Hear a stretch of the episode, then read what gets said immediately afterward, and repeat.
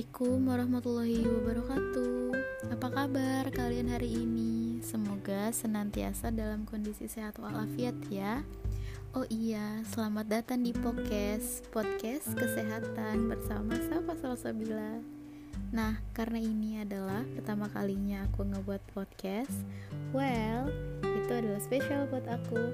Mungkin ada yang bertanya nih, ini podcast apaan sih gitu? Sesuai namanya, di podcast ini aku bakal bahas tentang latihan nafas dalam dan batuk efektif. Gak cuma itu aja, aku juga bakal ngebahas tentang postural drainase. Apa sih pengertian latihan napas dalam? Latihan napas dalam adalah bernafas dengan perlahan dan menggunakan diafragma sehingga memungkinkan abdomen terangkat perlahan dan dada mengembang penuh. Tujuannya apa sih? Tujuannya itu untuk mencapai ventilasi yang lebih terkontrol dan efisien, serta untuk mengurangi kerja bernafas, meningkatkan inflasi alveolar, meningkatkan relaksasi otot, menghilangkan ansietas, dan menyingkirkan pola aktivitas otot-otot pernafasan yang tidak berguna. Ini dia nih poin utamanya, yaitu tahap-tahap latihan nafas dalam. Satu, mempersiapkan diri. Kedua, letakkan satu tangan di dada dan satu tangan di abdomen. Ketiga, lakukan nafas perut dengan menarik nafas dalam melalui hidung hingga tiga hitungan. Jaga mulut tetap tertutup ya. Keempat, rasakan menggembangnya abdomen. Cegah adanya lengkungan pada punggung. Kelima, tahan nafas hingga tiga hitungan. Keenam, mengembuskan nafas perlahan dalam tiga hitungan. Lewat mulut seperti meniup ya. Yang terakhir, rasakan mengempisnya abdomen dan kontraksi dari otot. Nah, itu adalah beberapa tahapan dari latihan nafas dalam. Selanjutnya, kita akan membahas tentang batuk efektif.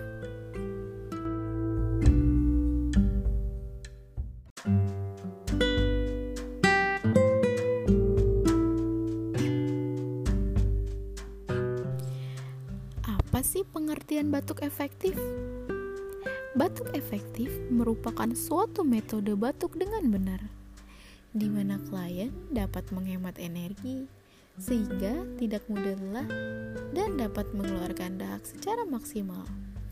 Tujuan dari batuk efektif menekankan inspirasi maksimal yang dimulai dari ekspirasi yang bertujuan merangsang terbukanya sistem kolateral, meningkatkan distribusi ventilasi, meningkatkan volume paru-paru, dan memfasilitasi pembersihan saluran nafas.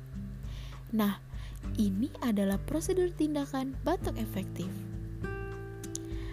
Pertama, beritahu pasien minta persetujuan dan cuci tangan. Kedua, atur pasien dalam posisi duduk tegak atau duduk setengah membungkuk. Ketiga, letakkan pengalas pada pasien. Letakkan bengkok atau pot sputum pada pangkuan dan anjurkan pasien memegang tisu. Keempat, ajarkan pasien untuk menarik nafas 1-3 detik dan batukan dengan kuat.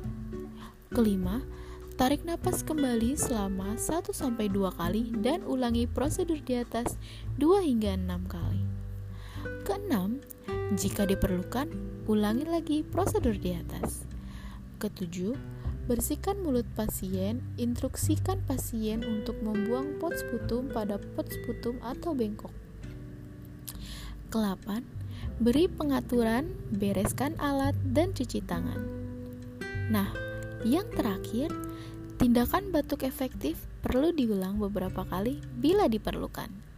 Selanjutnya, kita akan membahas postural drainase.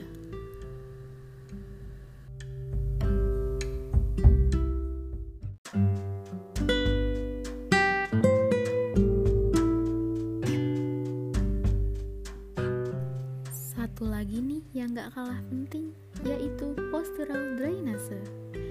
Apa sih postural drainase itu?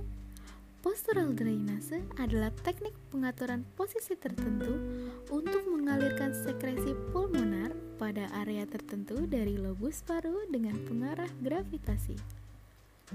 Ada juga loh tujuan dari postural drainase, yaitu untuk mengeluarkan sekret yang tertampung, untuk mencegah akumulasi sekret agar tidak atelektasis, mencegah dan mengeluarkan sekret, indikasi dan kontraindikasi klien yang mendapatkan drainase postural.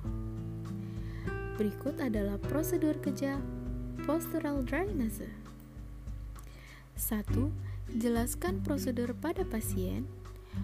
Kedua, cuci tangan dan pakai masker. Ketiga, pilih area yang tersumbat yang akan didrainase berdasarkan pengkajian semua bidang paru, data klinis, dan gambaran foto dada. 4. Baringkan pasien dalam posisi mendrainase area tersumbat. 5. Minta kali minta pasien mempertahankan posisi selama 10 15 menit. 6. Selama 10 15 menit, drainase pada posisi ini lakukan perkusi dada, vibrasi dan gerakan IG di atas area yang didrainase. 7 setelah drainase pada postur pertama, minta pasien duduk dan batuk, tampung sekresi yang dikeluarkan dalam wadah yang bersih. Bila pasien tidak dapat batuk, harus dilakukan penghisapan atas songtianing. 8. Berikan tisu untuk membersihkan sputum. 9. Minta pasien istirahat sebentar bila perlu berikan minum. 10. Ulangi langkah 1 sampai 7 sampai semua area yang tersumbat telah terdrainase. Setiap tindakan tidak lebih dari 30 sampai 60 menit. 11. Ulangi pengkajian dada pada semua bidang paru. 12. Cuci tangan. 13. Jika sputum masih belum bisa keluar, maka prosedur dapat diulangi kembali dengan memperhatikan kondisi pasien. Baiklah, saya rasa penjelasan saya cukup sampai di sini. Kurang lebihnya, mohon maaf. Wabillahi taufik walidayah. Wassalamualaikum warahmatullahi wabarakatuh. Terima kasih.